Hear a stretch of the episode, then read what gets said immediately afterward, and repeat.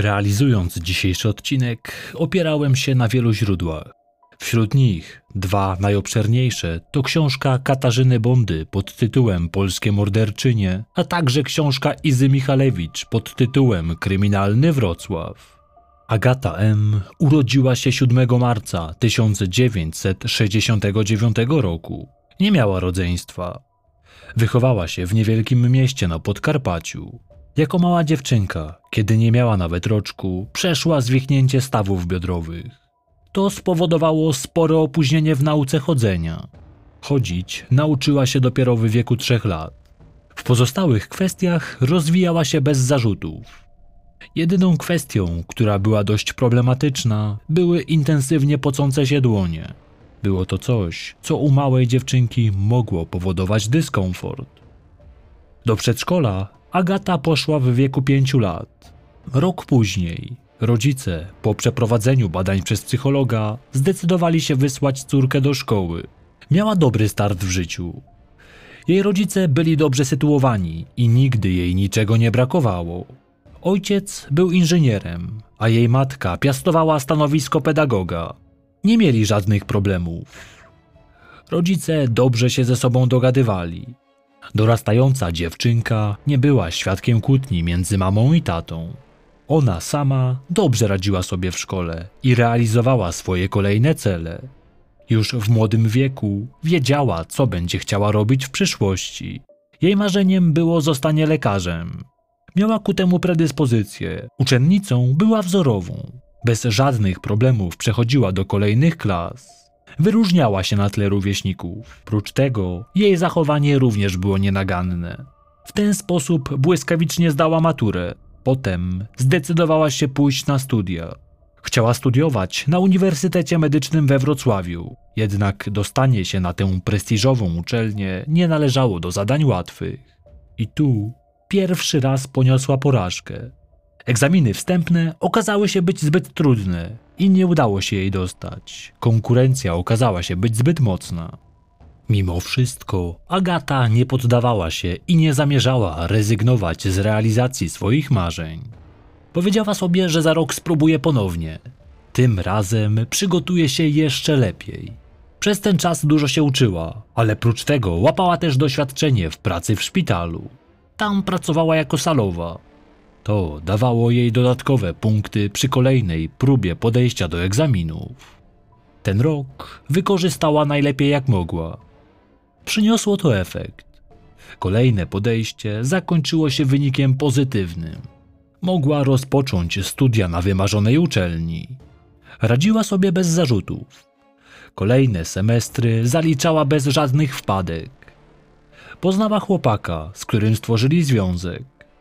Jednak ten dość szybko się rozpadł. W końcu ukończyła studia i mogła rozpocząć wymarzoną pracę. Nadal jednak się dokształcała. Otrzymała posadę w pogotowiu ratunkowym we Wrocławiu. W przyszłości planowała być ginekologiem chirurgiem. Praca i dalsza nauka wiązały się z wyrzeczeniami. Musiała ciężko pracować, by połączyć te obowiązki. Wywiązywała się z nich bez zarzutów. Dobrze się odnajdywała w nowym miejscu pracy. Szybko złapała dobry kontakt ze współpracownikami, zwłaszcza z jego męską częścią. Wśród mężczyzn czuła się dobrze, była rozrywkowa i uśmiechnięta. Niektórzy, a zwłaszcza koleżanki z pracy, powiedzą potem, że była aż zbyt otwarta na nowe znajomości. Kolegom kupowała łakocie i lubiła spędzać z nimi czas. W pracy poznała Dariusza H., który był od niej o kilka lat starszy. Robił on na niej duże wrażenie. Czuła w nim oparcie. On pomagał jej wdrożyć się w świat medycyny od strony praktycznej. Była w nim zauroczona. Dariusz jednak miał rodzinę. Miał żonę i czteroletnią córkę. To jej nie przeszkadzało. Mimo wszystko starała się o jego względy. Zaledwie po miesiącu pracy Agata doznała wypadku. Przytrzasnęła sobie dłoń drzwiami w karetce. Spowodowało to wytknięcie palca i wyeliminowało ją na jakiś czas z pracy. Z tego powodu wylądowała na zwolnieniu lekarskim. Jej relacja z Dariuszem była wówczas na takim poziomie, że mężczyzna nawet odwiedził ją w jej mieszkaniu. Najwidoczniej nie tylko ona była nim zauroczona. Agata mogła podobać się mężczyznom. była atrakcyjną młodą kobietą. Wizyta w jej mieszkaniu przedłużyła się na tyle, że Dariusz spędził tam całą noc. Przez cały ten czas rozmawiali na różne tematy. Potem spędzali ze sobą coraz więcej czasu, aż w końcu przekroczyli granice przyjaźni i wylądowali w łóżku. Najwidoczniej obojgu im nie przeszkadzał fakt, że mężczyzna miał rodzinę. Zaczęli się potajemnie spotykać. Pozwólcie, że teraz przedstawię wam osobę żony Dariusza, która jest ważną częścią tej historii. Aneta, bo tak miała na imię, na świat przyszła w roku 1964. Była zatem o 5 lat starsza od Agaty. Dariusza poznała dzięki temu, że ciotka załatwiła jej pracę jako dyspozytorka w pogotowiu ratunkowym we Wrocławiu przy ulicy Traugutta. Tam praktykę odbywał wówczas Dariusz H. Był jeszcze studentem. Poznali się i wpadli sobie w oko. Po około dwóch latach związku wzięli ślub w roku 1993. Przeprowadzili się do mieszkania przy ulicy Inżynierskiej, gdzie mieszkała matka Anety. Niedawno zmarł jej ojciec. Z matką jednak nie dogadywały się najlepiej i często dochodziło między nimi do kłótni. Również Dariusz niespecjalnie przepadał za teściową. Aneta to kobieta atrakcyjna, jednak nie należała do osób specjalnie towarzyskich. Ze względu na jej charakter, mężczyzna zerwał kontakty ze znajomymi. Ich małżeństwo zaczęło podupadać. Dariusz był nerwowy, a Aneta sfrustrowana, że całymi dniami nie było go w domu. Mężczyzna zaczął się oglądać za młodszą koleżanką z pracy. Aneta była przekonana, że mąż pracuje w godzinach nadliczbowych, podczas gdy on zabierał swoją kochankę na długie spacery, do kina czy do restauracji. Z czasem zaczęła podejrzewać męża o romans, choć nie miała na to dowodów. Romans kwidł w najlepsze, a Agata zaczęła angażować się w niego coraz to bardziej. Początkowo pasował jej ten układ. Umówili się z Darkiem, że będą się spotykać po kryjomu, końcu doszło do tego, że chciała czegoś więcej. Nie chciała być już kochanką, z którą Dariusz potajemnie się spotyka. Chciała być tą jedyną. Powiedziała mu, że chciałaby wziął rozwód. Ten jednak nie był chętny na takie rozwiązanie. Początkowo odwlekał decyzję, ale w końcu kategorycznie powiedział kochance, że nie odejdzie od rodziny. Dał Agacie ultimatum, że albo pozostają w takiej relacji jak dotychczas, albo rozstają się. Kobieta była w tym momencie na tyle zaangażowana, że nie wyobrażała sobie nagłego zerwania ich relacji. Nie naciskała na niego. Tymczasowo zgodziła się na takie rozwiązanie. Przez cały czas spotykali się w konspiracji przed wszystkimi. Agata jakiś czas mieszkała z kuzynką. Na czas, kiedy przychodził do niej kochanek, prosiła ją, by wychodziła z mieszkania. Bardzo nie chciała, by dowiedziała się, że spotyka się z żonatym mężczyzną. Kuzynce mówiła, że spotyka się ze swoim byłym chłopakiem. Co jakiś czas mężczyzna komunikował, że kończy ten romans, ale nigdy przerwy nie trwały zbyt długo. Szybko wracali do potajemnych spotkań. Pewnego razu Agata powiedziała Dariuszowi, że była w ciąży, ale samoistnie poroniła. Mężczyzna nie wiedział, czy to była prawda, czy kochanka zaczęła jakąś grę. Przyznała mu, że gdyby nie poroniła, to wyjechałaby z miasta i tam urodziła, a następnie wychowałaby dziecko z dala od niego, by nie robić mu problemów. Z rozmów z Agatą wynikało, że ona chciałaby takie dziecko. Dariusz, jako szanowany lekarz z rodziną, nie mógł sobie pozwolić na taką wpadkę. Był to ten moment, w którym wiedział, że należało ten związek zakończyć. W innym przypadku, prędzej czy później mogło dojść do sytuacji, gdy dziecko faktycznie się pojawi.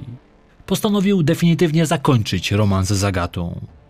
Ta jednak była w nim szalenie zakochana i nie miała zamiaru odpuszczać relacji z miłością swojego życia. 3 października 1996 roku Dariusz H. od rana miał pojawić się w pracowni fantomowej, gdzie przygotowywał się do egzaminu podnoszącego jego kwalifikacje. Zaspał jednak i pospiesznie wybiegł z domu. Po zakończonych ćwiczeniach spotkał się z Agatą, a potem udał się na popołudniowy dyżur. Wydawało mu się, że był to dzień jak każdy inny. Jednak nie tym razem. W godzinach wieczornych Dariusz zgłosił na komisariacie policji zaginięcie swojej żony Anety. Policjanci jednak polecili zachować mu spokój. Twierdzili, że kobietom zdarzają się takie wyjścia. Na pewno pojawi się do rana i szybko zapomną o całej sprawie. Nic takiego nie miało miejsca. Dariusz ponownie pojawił się na komisariacie i tym razem jego zgłoszenie zostało potraktowane poważnie. Od swojej teściowej dowiedział się, że w godzinach rannych pod ich mieszkanie przyszła kobieta, która poprosiła jego żony, by zeszła na dół. Aneta powiedziała, że musi na chwilę zejść, bo jakaś baba czegoś od niej chce. Mówiła, że za chwilę wróci, ale się nie pojawiła. Jej matka, która nadal była w domu, wyjrzała przez okno i widziała córkę w towarzystwie innej kobiety. Nie przyjrzała się jej na tyle dobrze, by ją opisać. Zapamiętała, że była to tleniona blondynka. Miała na sobie żółty sweter i czerwoną spódnicę. Udało się ustalić, że od kilku dni pod budynkiem widziany był żółty Fiat 126P, który nie należał do nikogo z mieszkańców. W kierunku takiego Fiata miała iść Aneta i nieznana kobieta. Podejrzewano, że Fiat mógł mieć związek z zaginięciem młodej kobiety. Było to o tyle problematyczne, że w tamtym czasie popularnych maluchów po polskich drogach jeździł ogrom. Dariusz sądził, że osobą, która wyciągnęła Anetę z mieszkania, była kobieta poznana podczas jej niedawnego powrotu z Londynu, gdzie była z wizytą u swojej ciotki. Miały one siedzieć koło siebie w autobusie jadącym do Polski. Sporo na jej temat mówiła i ewidentnie była zafascynowana jej osobą. Dariusz nie miał jednak pojęcia, kim ona była. Ta fascynacja, o której mówił mężczyzna, mogła sugerować, że w grę mogła wchodzić jakaś sekta. Dla śledczych nie było problemem ustalenie osób jadących z Londynu tym samym autobusem co Aneta. Sprawdzono kobietę, o której zaginiona w ostatnim czasie mówiła tak dużo. Tamta jednak nie wiedziała nic na temat tajemniczego wyjścia Anety z domu. Szybko odsunięto od niej podejrzenia. Nie posiadała ona samochodu, takiego jak ten widziany w okolicy. Miała też alibi na czas jej zniknięcia. Z pewnością nie była w tę sprawę zamieszana. Nie należała też do żadnej sekty. Sprawdzono też, czy Aneta nie wróciła do Anglii. Jej krewna jednak nic na ten temat nie wiedziała. Zaginiona nie mówiła nikomu, że planowała tam przyjechać ponownie. Nie było też żadnych śladów świadczących o tym, że kobieta się tam wybierała. Policja sprawdzała w swoim rejestrze, czy nie pojawiły się niewyjaśnione zgony, mogące łączyć się z tym zaginięciem. Niedawno doszło do wypadku w województwie łódzkim, w wyniku którego życie straciła kobieta. W tamtym momencie nie ustalono jeszcze jej tożsamości. Wiek jej jednak był zbliżony do wieku zaginionej Anety. Poproszono Dariusza o zidentyfikowanie, czy ciało mogło należeć do jego żony. Mężczyzna zaprzeczył, by to była ona. Ktoś z członków rodziny twierdził, że widział Anetę całą i zdrową. Była ubrana w rzeczy, które miała na sobie w dniu, kiedy wyszła z domu. Dariusz był bardzo zaangażowany w próbę odnalezienia żony. Jednak przez cały czas nie przynosiło to żadnych efektów. Nie przyznał się do romansu, ponieważ nie uważał, by było to ważne dla śledztwa. Mówiąc o nim, mógłby niepotrzebnie skupić uwagę śledczych na sobie, a do tego szybko rozniosłaby się plotka o jego romansie. W końcu, już nieco zrezygnowany, zaczął wypytywać o procedurę uznania Anety za nieżyjącą. To wzbudziło podejrzenia śledczych postanowili się dokładniej przyjrzeć lekarzowi. Przesłuchiwano jego znajomych z pracy. Z ich relacji wynikało, że małżeństwo miało swoje problemy. Coraz częściej dochodziło między nimi do kłótni. Choć sam mężczyzna nikomu się nie przyznał, to podejrzewano go, że mógł mieć romans. To spowodowało, że śledczy inaczej spojrzeli na mężczyznę. Jeśli kłamał w takiej kwestii, to czemu miałby nie kłamać w kwestii samego zaginięcia? Dariusz i matka Anety wystąpili w programie Ktokolwiek widział, ktokolwiek wie. Po emisji odcinka ktoś twierdził, że widział zaginioną pod sklepem Kameleon we Wrocławiu. Miała ona dziwnie wyglądać. Nie udało się jednak kontynuować tego tropu. Był to odosobniony przypadek i być może po prostu chodziło o osobę jedynie podobną do Anety. Powiedziała Dariuszowi, że poprosi o pomoc swojego wujka, będącego policjantem. Nic szczególnego z tej pomocy nie wyniknęło. Agata M. wśród swoich znajomych miała jeszcze jednego Darka. Był nim pracujący jako ratownik na pływalni Dariusz B. Byli oni przyjaciółmi jeszcze z czasów studiów.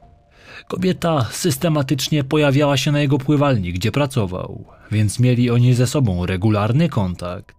W roku 1996 Dariusz zwrócił się do przyjaciółki z prośbą o pożyczkę. Chodziło o 8 tysięcy złotych. Agata, jako lekarz, zarabiała niemało, zatem pożyczenie takiej kwoty nie było dla niej problemem. Pożyczyła Darkowi te pieniądze. Wówczas Wiedząc, że mężczyzna był od niej poniekąd zależny, zdobyła się na odwagę, by zapytać go, czy zna kogoś, kto podejmie się dokonania zabójstwa. Mężczyzna był nieco zmieszany. Zapytał, o co dokładniej chodzi. Agata przyznała, że chodzi o pozbycie się Anetycha. Powiedziała mu, że jest to żona jej kolegi. Jej zdaniem znęcała się ona fizycznie i psychicznie nad swoim mężem i córką. Dariusz osobiście nie chciał się zająć tego typu zleceniem, ale kuszony wizją zarobku powiedział, że może to zlecić komuś, kto będzie zainteresowany. Wstępnie ustalili kwotę 6 tysięcy złotych. Powiedział, że będzie musiał porozmawiać z pewnymi osobami i da znać później. Jakiś czas później powiedział przyjaciółce, że znalazł odpowiednich ludzi, ale będzie to kosztować więcej niż pierwotnie zakładali potrzebował jeszcze dwóch tysięcy złotych. Agata miała pieniądze, a była zdecydowana na zrealizowanie swojego planu. Przekazała ustaloną sumę przyjacielowi, licząc, że ten się wszystkim zajmie jak należy. Mijały kolejne dni, a nic się nie działo. W końcu ustalili nieprzekraczalny termin realizacji zamówienia. Umówili się, że do zabójstwa dojdzie nie później jak do końca maja 1996 roku. Ten jednak minął, a Aneta nadal żyła. Mimo zapowiedzi zakończenia romansu, przez cały ten czas Dariusz H. spotykał się z Agatą za plecami żony. W końcu kobieta zdecydowała się przeprowadzić do mieszkania, którego nie musiała z nikim współdzielić. To ułatwiało ich intymne kontakty. Okazało się jednak, że Dariusz wcale nie miał zamiaru przyczyniać się do niczyjej śmierci. Nie było żadnych ludzi, którzy mieli się tym zająć. Mężczyzna po prostu przyjął pieniądze od Agaty i wydał je na własne potrzeby. Kupił sobie samochód. Wiedział, że przecież kobieta nikomu się nie przyzna, że dała mu pieniądze po to, by zlecił zabójstwo.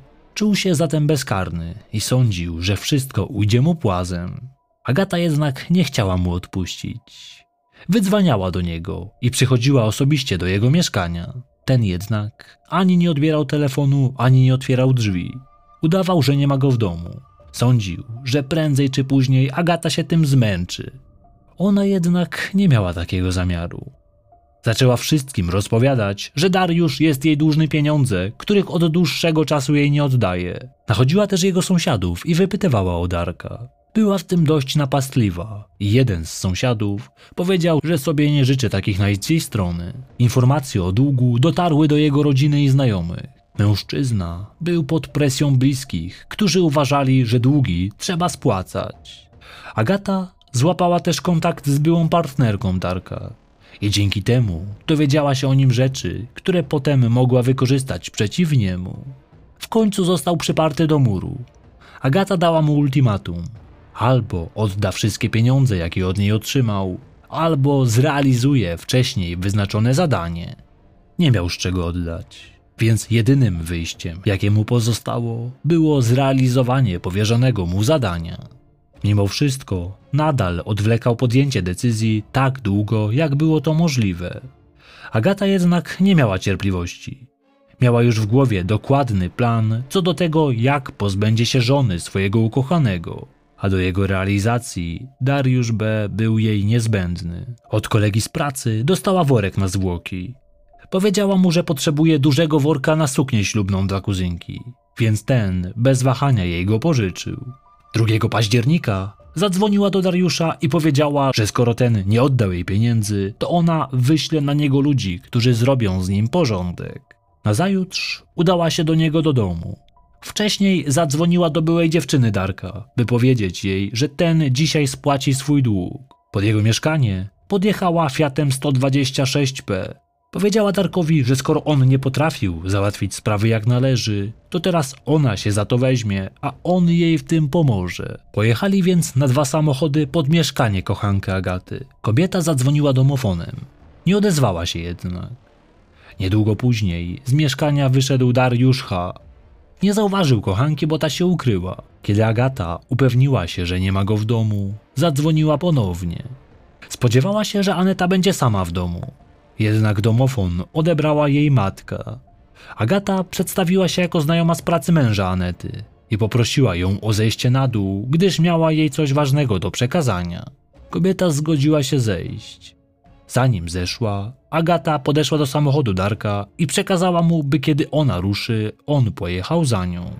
Aneta poprosiła swoją matkę, by ubrała córkę, która zaraz miała wychodzić do przedszkola. Ona sama założyła na siebie dres oraz kurtkę męża, a następnie zeszła na dół.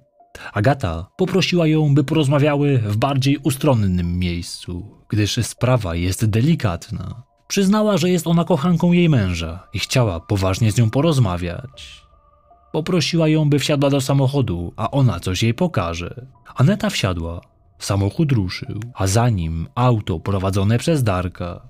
Jechali przez chwilę i zatrzymali się w okolicach cmentarza żołnierzy włoskich. Za moment podszedł do nich mężczyzna, który zaparkował kilka metrów dalej.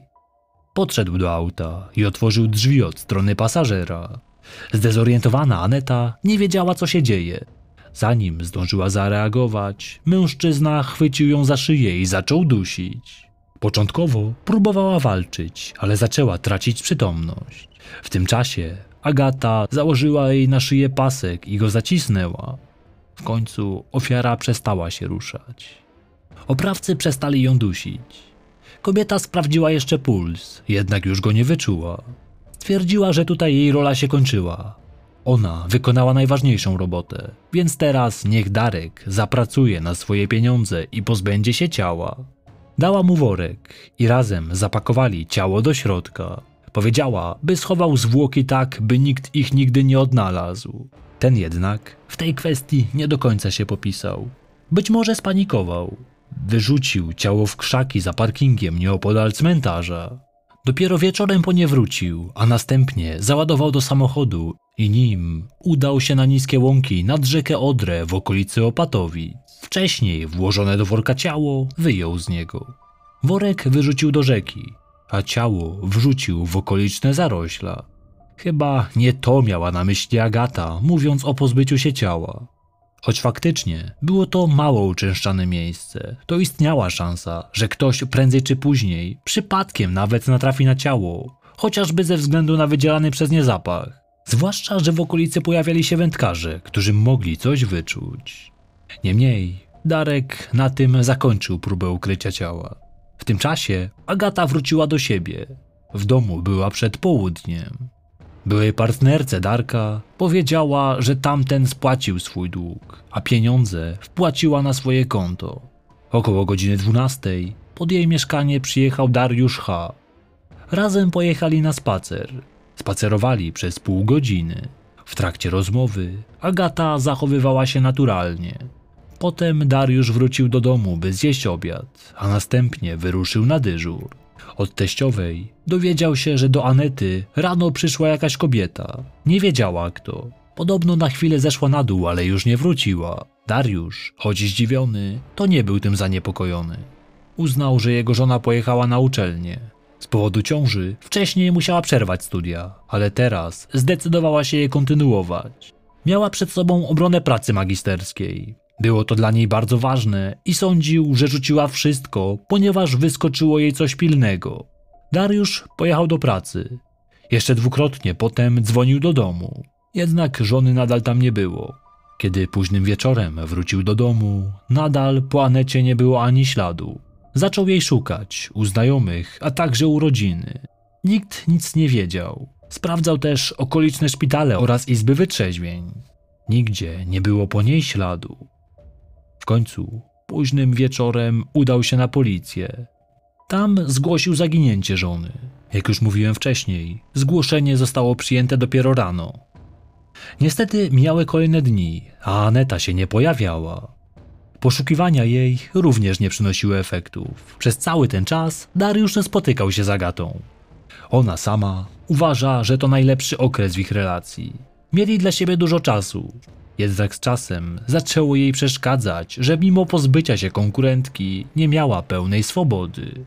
Dariusz wciąż uważał, że są kochankami i czekał na powrót żony. Przecież nie mogła mu powiedzieć, że Aneta już nie wróci. W świetle prawa musi minąć 10 lat od zaginięcia, by uznać osobę za zmarłą. Agata tyle czekać nie chciała. Uznała, że korzystniej dla niej będzie, jeżeli ciało zostanie odnalezione. Wówczas będzie ona mogła mieć ukochanego tylko dla siebie. Zaczęła więc naciskać na swojego wspólnika w zbrodni, by zrobił coś, by ujawniono ciało. W międzyczasie, w trakcie jednej z interwencji, kiedy ekipa pogotowia, w której składzie była Agata, miała do czynienia ze zwłokami w znacznym stopniu rozkładu, kobieta wdała się w długą rozmowę z policjantami. Wypytywała ich, czy w przypadku, jeżeli ciało jest w takim stanie, da się określić przyczynę śmierci. To nietypowe zachowanie zwróciło uwagę jej znajomych. Zastanawiające, że inteligentna osoba, jaką z pewnością jest Agata, mogła myśleć tak irracjonalnie. Przecież zabójca najczęściej dąży do tego, by nikt nigdy nie odnalazł ciała. W ten sposób poniekąd zapewnia sobie bezpieczeństwo.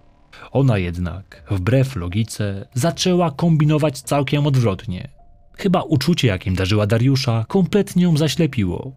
Tymczasem Dariusz B po prośbie ze strony Agaty zaczął wysyłać anonimowe listy na policję. W nich wyjawiał miejsce porzucenia zwłok.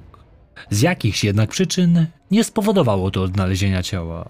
Najwidoczniej policja zignorowała anonimowe donosy. Próbował dwukrotnie, jednak bezskutecznie.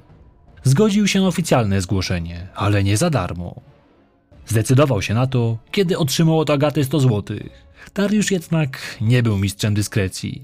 Nadal pracował na basenie jako ratownik. Jednym ze stałych bywalców na pływalni był policjant.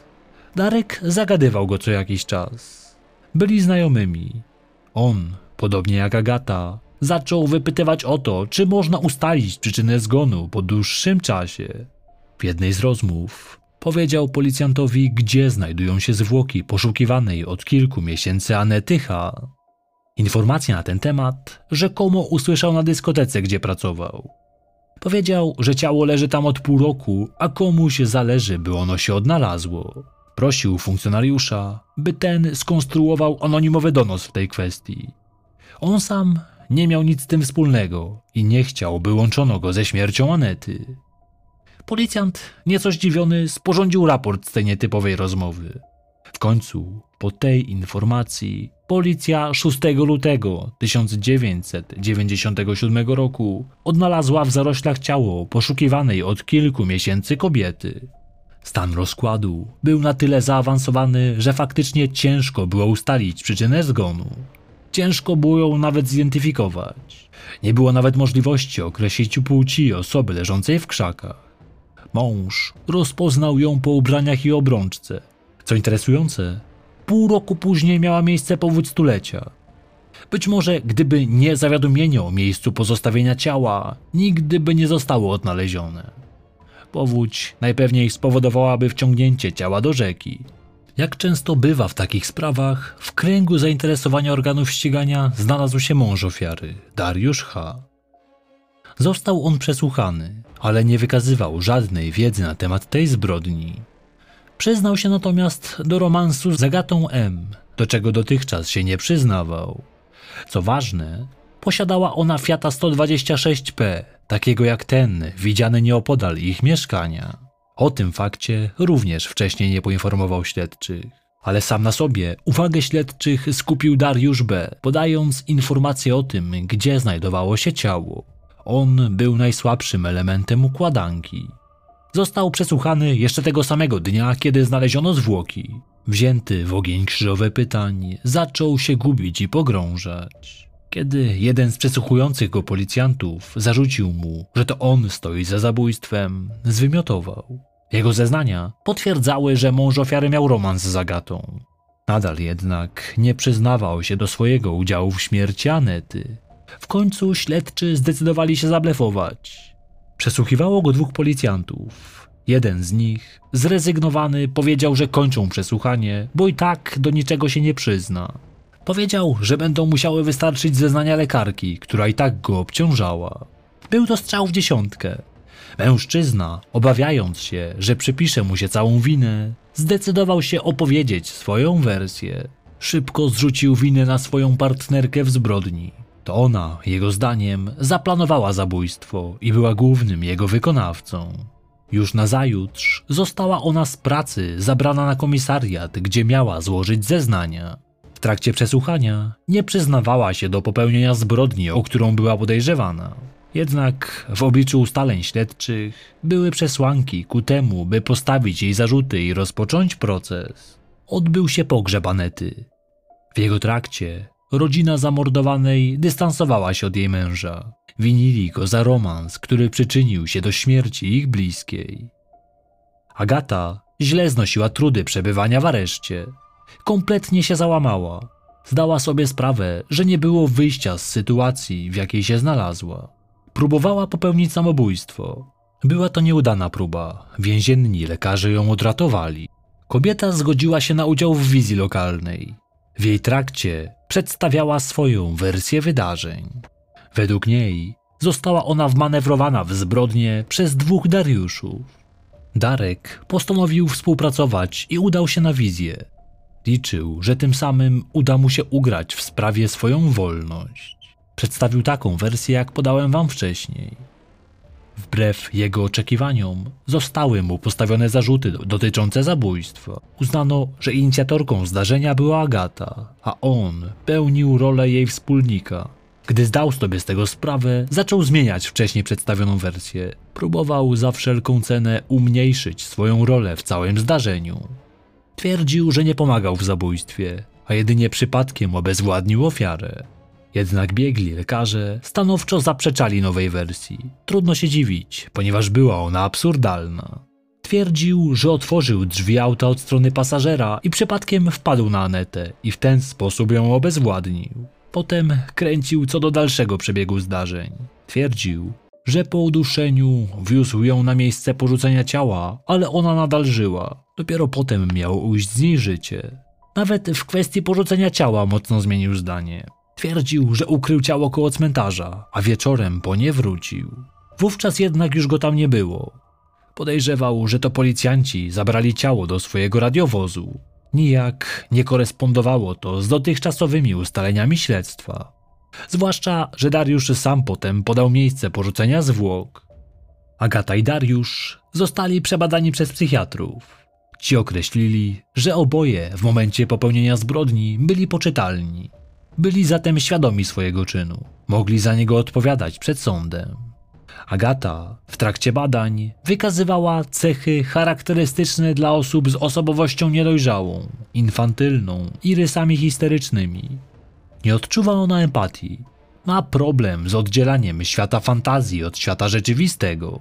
Dariusz H. odmówił badania przy użyciu wariografu, twierdząc, że może to wprowadzić dodatkowe zagmatwanie do sprawy. Na takie badanie wyraziła zgodę Agata. Przed jego wykonaniem, ale i w trakcie, była mocno rozchwiana emocjonalnie. Zachowywała się nerwowo. Wynik badania wykazywał nerwowość w przypadku pytań dotyczących zabójstwa Anetycha. Sugerować to mogło, że nie mówiła o naprawdę w tych kwestiach. W końcu rozpoczął się proces.